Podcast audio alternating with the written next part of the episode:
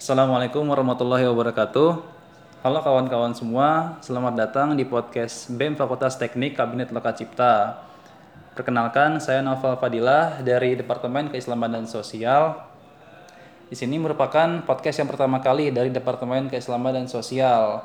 Nah, rencananya untuk ke depan podcast ini akan membahas mengenai ketiga jurusan di Fakultas Teknik Universitas Islam Bandung, yaitu Teknik Industri, Teknik Pertambangan, dan Teknik Planologi.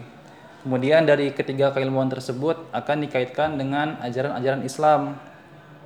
Nah, untuk podcast yang pertama kali ini kita sudah ditemani oleh Kang Rivaldi atau yang disapa Kang Acel ya Kang akrabnya. Nah, Kang Acel ini adalah salah satu mahasiswa Teknik Industri angkatan 2016 dan saat ini beliau menjabat di BPH KMTI ya Kang ya sebagai kepala bidang kerohanian. Nah, Kang, saya mau nanya nih, uh, Akang dari jurusan teknik industri kan ya? Iya. Kira-kira nih, menurut Akang, teknik industri itu seperti apa sih? Dan kalau misalkan kita kaitkan ilmu yang kita pelajari di teknik industri itu, ketika dikaitkan dengan ajaran Islam, itu seperti apa, Kang? Mangga, Kang. Bismillah. Uh, terima kasih ke Kang Novel ya udah ngajak nih pertama kali podcast dari BMFT sendiri gitu kan. Oke. Departemen baru lagi ya, Iya, keislaman dan sosial. Iya. Oke. Dan menarik sebenarnya ketika kita ngebahas tentang teknik industri dan keislaman gitu. Apalagi kalau orang ngomongin teknik industri, keteknikan ya. Kita ngomongin hal-hal duniawi gitu kan. Iya, betul. Kemudian dikaitkan dengan Islam, orang mikirnya oh emang bisa gitu ya. Iya. Apalagi teknik industri ini dia lahir dari eh, kebutuhan kebutuhan di masa revolusi industri yaitu ketika eh, untuk meningkatkan produktivitas produksi di pabrik-pabrik. Dan kalau misalnya kita ngomongin pabrik-pabrik itu biasanya ngomongin tentang lebih ke kapitalisme gitu kan. Oh ini kapi- kita ngomongin kapitalisme terus ngomongin tentang Islam. Ini teknik industri kalau ke Islamnya kayak gimana gitu. Tapi sebenarnya bisa aja karena di Islamnya itu sendiri ternyata hak tentang kepemilikan itu diatur juga. Iya kan? Jadi di Islam sendiri kita mempunyai hak untuk memiliki harta memiliki alat produksi bahkan bisa memproduksi dengan jumlah banyak untuk diperjualbelikan. Itu boleh gitu kan? Ada diatur di mu- muamalah gitu. Dan ketika kita ngomongin teknik industri kan yang terpikirkan pertama kali adalah kalau orangnya ya mahasiswa teknik industri semester 1 apalagi gitu kan mereka udah dikasih tahu bahwa teknik industri adalah ilmu yang eh, mempelajari tentang bagaimana cara mendesain, mengimprove atau eh, mengupgrade gitu kan, meningkatkan atau menginstal cara memasang gitu. Kemudian dihubungkan dengan banyak keilmuan lainnya. Yang penting dia terintegrasi. Dan cukup banyak sebenarnya ketika kita ngomongin industri. Dia bukan hanya tentang manufacturing, Betul. tapi juga tentang jasa atau tentang eh, bagaimana hal-hal yang terkait tentang dunia perindustrian itu sendiri. Bahkan banyak ya, industri itu bukan hanya tentang memproduksi sesuatu, tapi Iya. tentang pelayanannya. Iya. Ngomongin juga tentang apa ya? Bahkan ada industri perfilman, industri musik gitu. Betul. Itu semua masuk ke dalam kategori industri ya, kategori ya? industri. Benar-benar. Nah, eh, kalau misalnya yang yang ini ya eh, paling sering kita lihat itu adalah tentang makanan misalnya. Mm-mm. Ternyata kalau misalnya kita hubungkan teknik industri dengan orang Islam yang eh, terjun langsung ke dunia keilmuan teknik industri, misalnya di teknik industri itu kita diajarkan tentang tentang alur alur produksi dari pertama kali material atau bahan baku itu kita peroleh sampai akhirnya kembali eh bukan kembali ya sampai ke tangan konsumen Mm-mm. dan itu yang jadi permasalahan umat Islam biasanya kalau dia keluar negeri atau ke tempat-tempat non Muslim Mm. itu kan nggak ngejamin tentang dia makan atau beli minuman gitu kan itu halal nggak sih Iya. kita bisa ngejamin itu kita bisa ngejamin eh, seorang teknik industri bisa ngerancang bagaimana dia bisa memproduksi barang yang halal misalnya Gitu. atau misalnya dia masuk ke dunia eh, sistem informasi dia bisa memberikan informasi-informasi tentang misalnya teman-teman mau jalan-jalan ke misalnya ya ke Manado misalnya tempat saya sendiri gitu kan Iya. nah di sana misalnya katanya banyak eh, muslimnya sedikit gitu dibandingkan dengan non muslim berarti banyak makanan nggak halal gitu. Nah kalau misalnya kita dunia eh, yang terjun ke dunia teknik industri masuk ke ranah pariwisata di daerah yang minim muslim gitu kan dia bisa ngebangun satu zona pariwisata yang dijamin gitu kan makan minumnya kita bisa bangun pariwisata yang ramah muslim misalnya Benar-benar. atau mungkin yang kerja di pabrik dia yang punya pabrik eh, dia bisa ngejamin produksinya itu bebas dari eh, material-material haram atau dengan dia bisa kalau orang biasanya kita di semester 4 ketemu psikologi industri Mm-mm. kita bisa ngejamin eh, pekerja itu meningkatkan produktivitasnya dengan eh, kenyamanan gitu. Bagaimana misalnya gitu kan? Dengan kasih istirahat.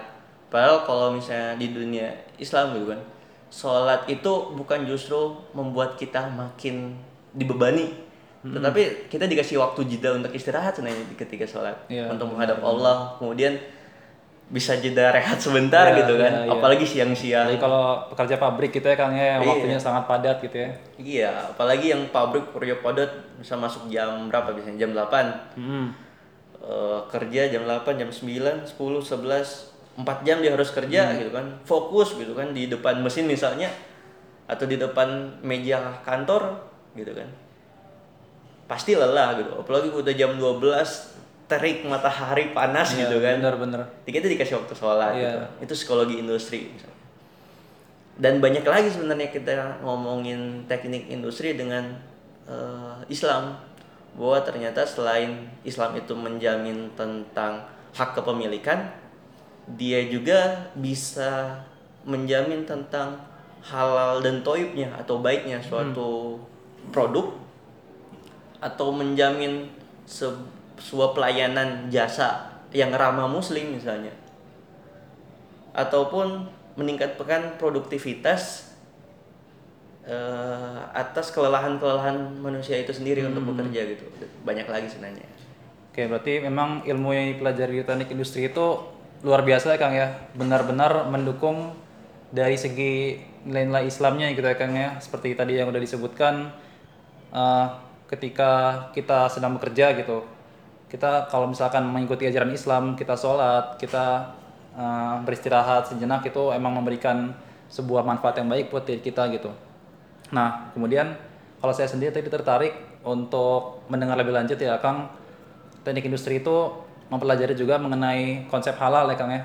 Konsep halal seperti di pariwisata dan eh, tempat-tempat yang mungkin masih belum banyak eh, seperti turis-turis yang beragama muslim gitu. Nah, kalau di teknik industri itu seperti apa sih Kang eh, kalau untuk pembelajarannya di tempat-tempat seperti itu? oke. Kalau misalnya kemarin eh, saya kan ini udah masuk tahun ketiga masuk tahun keempat kayaknya. Ke Bandung dari pertama kali lulus SMA langsung ke Bandung gitu dari Manado. Oke. dan baru pulang tiga tahun juga gitu. Oke. tahun ini gitu kan lebaran. Pas pulang eh, ternyata eh, susah juga ternyata nyari makanan yang halal gitu walaupun sebenarnya banyak sih cuma mungkin makanan-makanan pinggir jalan gitu kan yang kita mencari halal ternyata masih tergolong susah. Waktu pulang gitu kan eh, dari jalan-jalan gitu sama teman-teman pulang ke rumah rencana mau nyari makan gitu kan. Mm-mm. eh ternyata malah kekhawatiran gitu kan. Kalau di Manado atau Sulawesi Utara kan dikenal dengan eh, pasar pasar apa ya? Pasar ekstrim. Iya iya, yang menjual binatang-binatang. Ya yang nggak Iya. nggak semestinya dimakan gitu ya Kang. ya kalau kata orang lah. Iya. Emang bisa gitu dimakan Iya, gitu iya. kan? Nah kalau misalnya kita bisa meningkatkan jumlah apa namanya pengunjung atau apa ya namanya turis ya? Iya, turis. turis datang ke Manado gitu. Apalagi kalau di Indonesia kan ba- semag- eh, sebagian besar itu kan orang Islam kan. Nah, kalau kita datang ke orang-orang Islam caranya ke sana berarti otomatis kita harus bagaimana sih kira-kira meningkatkan produktivitas? Eh bukan produktivitas eh, indeks kedatangan turis lokal minimal ya turis lokal yang beragama Islam. Ya. kita harus ngejamin kira-kira ketika dia datang sana dapat makanan yang halal apa enggak. Apalagi yang murah gitu kan. Kalau makanan yang halal kayaknya ada di hotel gitu kan. Tapi di hotel pun tergolong mahal gitu. Oh ya. dan kita mungkin bisa aja ya kalau bukan hotel tingkat yang kelas-kelas apa ya kelas-kelas mewah gitu kan. Ya. Eh, kayaknya nggak sulit untuk mencari yang jaminan makanan halal di hotel juga kalau mungkin kelas mewah kan oh, dia standarnya udah standar nasional standar Iya. internasional Udah, kan udah pasti gitu ya. Ah. nah soal itu itu potensi ya potensi seorang mahasiswa atau lulusan lah lulusan teknik industri datang ke wilayah membangun zona pariwisata di sana kita bisa ngerancang bahwa pariwisata halal di kota Manado misalnya. Eh mulai dari dia datang ke bandara disediain musola. Hmm. kemudian ke hotel di hotel yang disediakan tempat wudhu atau mungkin disediakan musola di hotel. Bahkan ada di salah satu hotel ketika saya datang di kota Manado gitu kan itu ternyata ada masjid di hotelnya gitu Iya, bukan iya. musola lagi udah lebih ke masjid Iya, iya. di lantai berapa dia bahkan bukan di luar hotelnya tapi di dalam hotelnya udah kayak masjid gitu Hmm. kemudian ketika misalnya oke lah nggak ada musola tapi di, di kamarnya itu disediain arah kiblat misalnya Oke. itu kan kebutuhan seorang muslim gitu Iya, iya. kemudian ketika mau jalan-jalan eh, ke tempat wisata ada musolanya apa enggak. Mm-mm. terus te- di tempat wisatanya disediakan eh, kawasan kuliner gitu kan. Dijamin nggak kehalalannya. Kalau enggak wah susah nanti cari makan gitu kan. Iya. bisa-bisa kita datang ke sana foto-foto doang tapi nggak Iya, makan gitu Iya, kan. iya. kemudian kita ke tempat-tempat wisata. Apalagi ya? Eh misalnya kalau orang Islam kan kadang ini ya, suka khawatir anjing misalnya gitu Iya. kan. Berkeliaran gitu kan. Kotorannya misalnya kotorannya. ataupun takut dekat-dekat sama anjing. Iya. kalau misalnya daerah-daerah non muslim kan biasanya lebih banyak anjing gitu kan daripada kucing. Kalau saya pertama kali datang ke sini justru nyari anjing susah. Lebih su- lebih mudah nyari kucing gitu. Iya, benar-benar. Eh, kita bisa perencanaan eh, misalnya so kalau kita kerja di travel atau punya travel kita bisa bikin orang yang mau traveling kita ngejamin dia dari datang sampai bandara sampai berangkat lagi ke bandara itu kejamin Iya. makanannya tempat sholatnya Iya. minimal kayaknya yang kayak gitu ya yang dibutuhin untuk eh, orang untuk berwisata gitu Iya. kalau di Bandung sendiri ya katanya sempet kan eh, naik tuh viral bahwa Bandung kan nggak punya sumber daya alam yang cukup banyak Hmm. tapi eh, meningkatkan SDM sama tempat-tempat pariwisata yang ada. Iya. sumber daya alam untuk cari bahan baku mungkin susah tapi dia punya sumber daya alam yang bagus untuk jadi zona pariwisata. Walaupun mungkin banyak Islam tapi kira-kira di zona-zona area-area pariwisata itu dijamin nggak sih tentang eh, makanannya minumannya tempat sholatnya? Minimal itu aja kayaknya. Iya. jadi nggak harus di daerah-daerah non muslim daerah-daerah muslim dengan kit- brand tentang halal itu kayaknya ini ya eh, satu komoditi baru gitu kan untuk di dunia teknik industri sendiri Benar-benar. apalagi ya itu aja sih untuk sementara Nah, oke. Tadi udah dibahas ya mengenai konsep halal ya Kang ya, terutama di bidang pariwisata yang udah disebutkan tadi kalau misalkan kita pergi ke daerah-daerah Sulawesi ya, terutama yang mayoritas tuh orang-orangnya orang non muslim ya di Bali aja juga misalnya di Bali. iya kan banyak tuh yang jual Iya. eh, bab satu Nah, bab satu ya. di pinggir jalan kan Kampanye bab satu ya. Nah, itu emang susah gitu ya kayaknya terutama kita sebagai eh, orang muslim sendiri gitu ya. Menjadi halangan mungkin ya kalau kita pengen berlibur ke daerah sana gitu. Eh, mungkin mau membahas lebih luas lagi sih Kang. Tadi kan sudah dibahas mengenai eh, pariwisata ya. Mungkin itu lebih ke halalnya. Nah, sebenarnya kalau saya yang saya ketahui itu teknik industri belajarnya lebih luas lagi.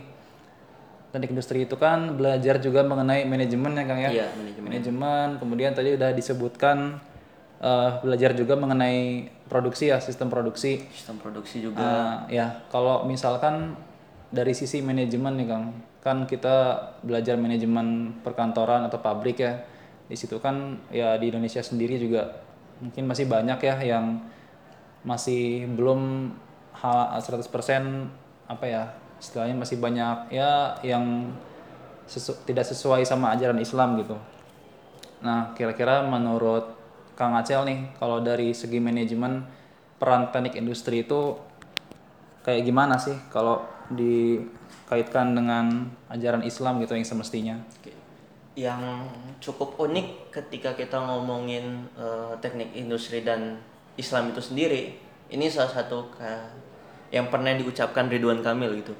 Jadi kalau misalnya kita ngomongin, misalnya aja yang tadi pariwisata dan halal tourism atau eh, yang seperti itu, itu justru bukan hanya untuk umat Islam sendiri atau orang Muslim sendiri gitu. Tapi justru baik juga untuk eh, orang-orang non Muslim. Jadi halal itu gitu kan, bukan hanya eh, sesuatu yang berkenaan dengan syariat aja, tapi halal itu juga ternyata yang toib gitu, yang baik. Mm-mm. Justru kita ngejamin sesuatu sesuatu hal yang baik gitu. Misalnya makanan, makanan kita yang halal itu otomatis kita nyari yang toib juga, yang baik juga. Iya, benar-benar. Dan itu kan bukan cuma untuk orang Islam aja gitu. Iya, iya. Itu juga baik untuk non muslim juga. Selama man- dia manusia ya, Iya. dia juga butuh yang baik-baik gitu. Iya. Kemudian ketika kita masuk ke dunia pabrikasi gitu kan, eh soal manajemen gitu kan. Misalnya eh, ada salah satu perusahaan, perusahaan dia memproduksi Al-Quran gitu kan. Dia eh, bahkan menjamin kehalalan kertasnya gitu, kehalalan kertasnya. Kemudian eh, orang yang ingin memproduksi langsung bersentuhan dengan kertas-kertas yang jadi bahan baku Al-Quran itu, itu disuruh wudhu dulu sebelum masuk ke ruang produksi, Oh, iya. gitu kan. Kemudian ketika waktu sholat gitu kan, kan udah capek tuh di dalam ruang produksi, Iya. itu tuh di sholat dulu gitu kan. Sholat dulu. Oh otomatis kan dia ngasih waktu renggang. Makanya kalau ya, salah satu perusahaan itu ya dia produktivitas pekerjanya kemudian efektivitas produksinya itu tergolong bagus gitu. Karena dia bukan hanya orientasinya ya bukan hanya sekedar untuk mencari laba saja gitu kan tapi juga mempermudah pekerjanya menjaga kerawatan mesinnya gitu kan itu dari segi manajemen manajemen waktunya itu diatur ngikutin waktu sholat gitu kan ternyata ketika ngikutin waktu sholat itu bukan hanya membatasi jumlah produksi Iya. tapi juga ternyata merawat mesin kemudian karena kita harus menghentikan produksi yang terlalu lama Hmm, bener. Eh, memberikan kenyamanan pekerja karena habis di ruang produksi yang terlalu lama gitu kan. Eh, apalagi ya? Eh, salah satu yang unik ketika kita ngomongin teknik industri dan keislaman adalah orientasi kita bukan hanya sekedar nyari laba aja gitu kan Iya. tapi emang eh, misalnya ya, ketika orang-orang yang eh, dia memiliki hak atas eh, alat produksi, dia memiliki hak untuk memproduksi, otomatis ketika dia mendapatkan laba, orientasinya bukan hanya untuk nyari duit aja gitu kan, dia berbagi misalnya sedekah Hmm.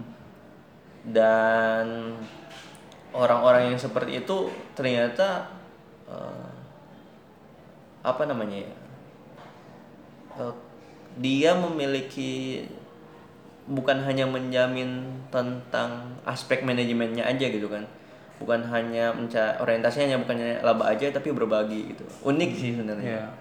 dan ketika di ruang bukan hanya eh kalau kita ngomongin keislaman di ruang produksi itu tuh selain meningkatkan produktivitas eh banyak hal ya ketika kita ngomongin tentang manusianya, Hmm. mesinnya, segi waktunya yang kerjanya tidak terlalu lama. Oke.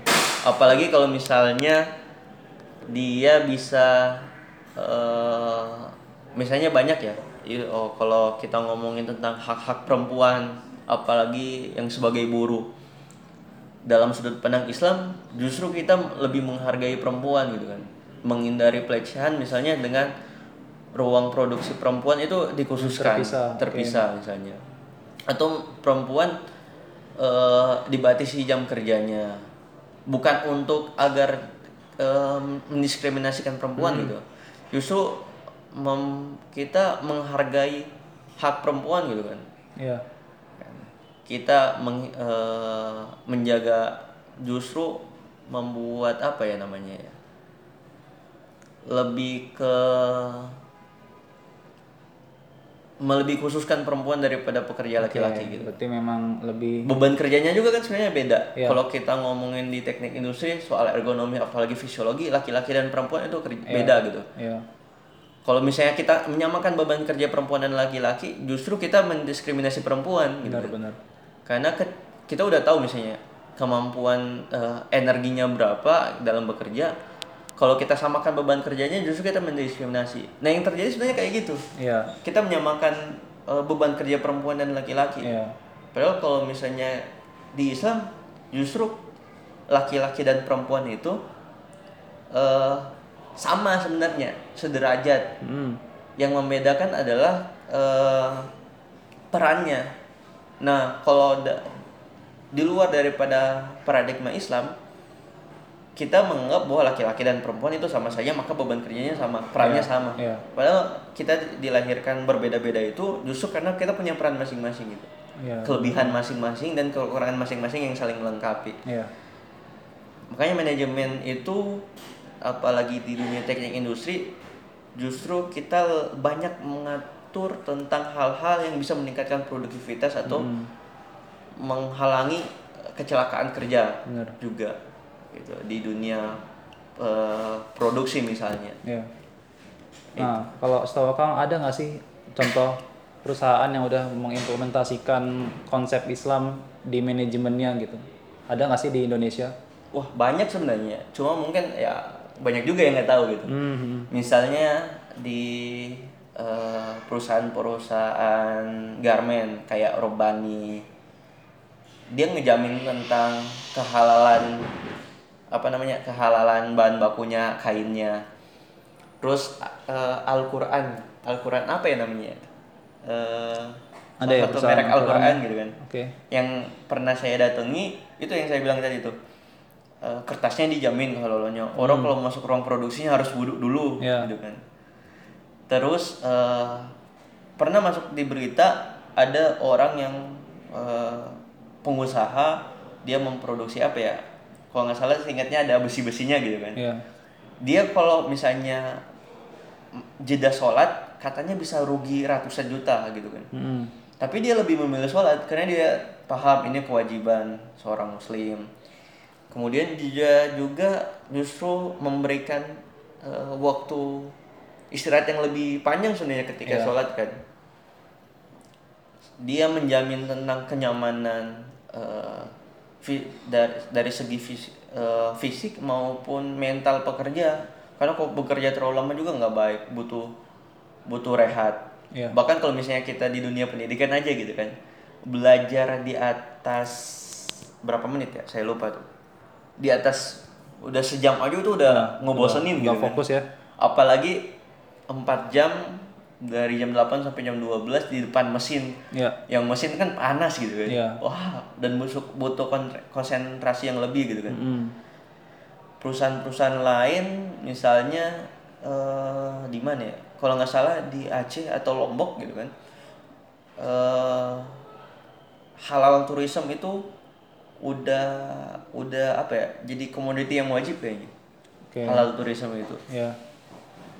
Berarti memang sangat bagus ya Kang kalau kita mendengar semua penjelasan dari Kang Acil tadi, terutama kita yang kuliah di Unisba nih yang memang dihususkan itu untuk pelajaran Islamnya Kang ya, yang berbeda dari kampus-kampus lain. apalagi kita belajar di jurusan teknik industri gitu yang sebenarnya ilmunya sangat luas. Jika dilihat dari jurusan-jurusan lain gitu. Dan memang sangat menguntungkan banyak manfaatnya gitu ya yang bisa diambil dari keilmuan teknik industri sendiri Uh, mungkin sebelum ditutup ya Kang ya ada pesan gak sih dari Kang Acel nih buat pendengar podcast ini terutama mungkin dari teman-teman kita sendiri yang nantinya akan jadi lulusan teknik industri Oke. Eh, ketika untuk teman-teman ya, apalagi terlebih khusus mahasiswa Fakultas Teknik jurusan Teknik Industri terlebih khususnya soal ngomongin teknik industri atau manufaktur itu bukan hanya sekedar surah Al-Hadid ayat 25 gitu yang ngomongin tentang besi. Oke. Tetapi banyak sebenarnya ketika kita buka Al-Qur'an, cek ayat-ayatnya gitu kan. Eh, banyak hikmah di dalamnya dan banyak yang bisa kita terapkan di dunia teknik industri. Dan Islam itu syamil wal mutakamil. Dia itu sempurna dan menyempurnakan. bener Dia itu menyeluruh, ya syumul. Dan bukan hanya ngatur tentang ibadah dan akhlak gitu kan, apalagi akidah yang wajib gitu kan. Tapi dia juga mengatur hal-hal duniawi dari kita bangun tidur sampai tidur lagi. Nah, makanya teman-teman eh, istimewa sebenarnya ketika kita ngomongin eh, ke bidang-bidang keilmuan apalagi keteknikan ya ya dan kita sangkut pautkan dengan eh, Islam itu sendiri. Misalnya teman-teman tadi ngomong kita banyak ngomongin tentang teknik industri gitu kan. Belum lagi kalau misalnya kita ngomongin di dunia pertambangan gitu kan. Wah, itu lebih banyak lagi sebenarnya. iya. Apalagi du- di eh, jurusan perencanaan dan wilayah perencanaan gitu kan. dan kota Wah itu lebih luas lagi oh, sebenarnya. Dan mungkin ini aja yang bisa saya sampaikan gitu kan. oke Sebenarnya kuncinya adalah teman-teman baca Al-Quran lagi dan bukan hanya baca Arabnya aja gitu. ya Baca terjemahannya dan coba ambil hikmah-hikmah apa sih yang ada di Al-Quran itu sendiri. Selain kita belajar tentang teknik industri, kita coba pahami lagi tentang eh, agama kita sendiri yaitu Islam. oke Wah bener-bener luar biasa banget nih eh, pembahasan dari Kang Acil ya. Mudah-mudahan dari semua pembahasan tadi ada hikmahnya ya, Kang ya. Dan kita bisa mengambil kesimpulan ya terutama untuk teman-teman sendiri yang sedang menuntut ilmu di Fakultas Teknik gitu ya. Mungkin untuk podcast kali ini dicukupkan dulu ya Kang ya. Insya Allah nanti kalau ada kesempatan kita ngobrol lebih lanjut lagi. Terima kasih banyak eh, Kang Noval Oke. udah ini pertama kali ya podcastnya Iya, ya. benar, benar. Ah, istimewa udah diajak pertama kali gitu. ya. Iya, baik. Mungkin itu aja teman-teman untuk podcast yang pertama. Terima kasih untuk yang sudah mendengarkan. Bila wal hidayah. Assalamualaikum warahmatullahi wabarakatuh.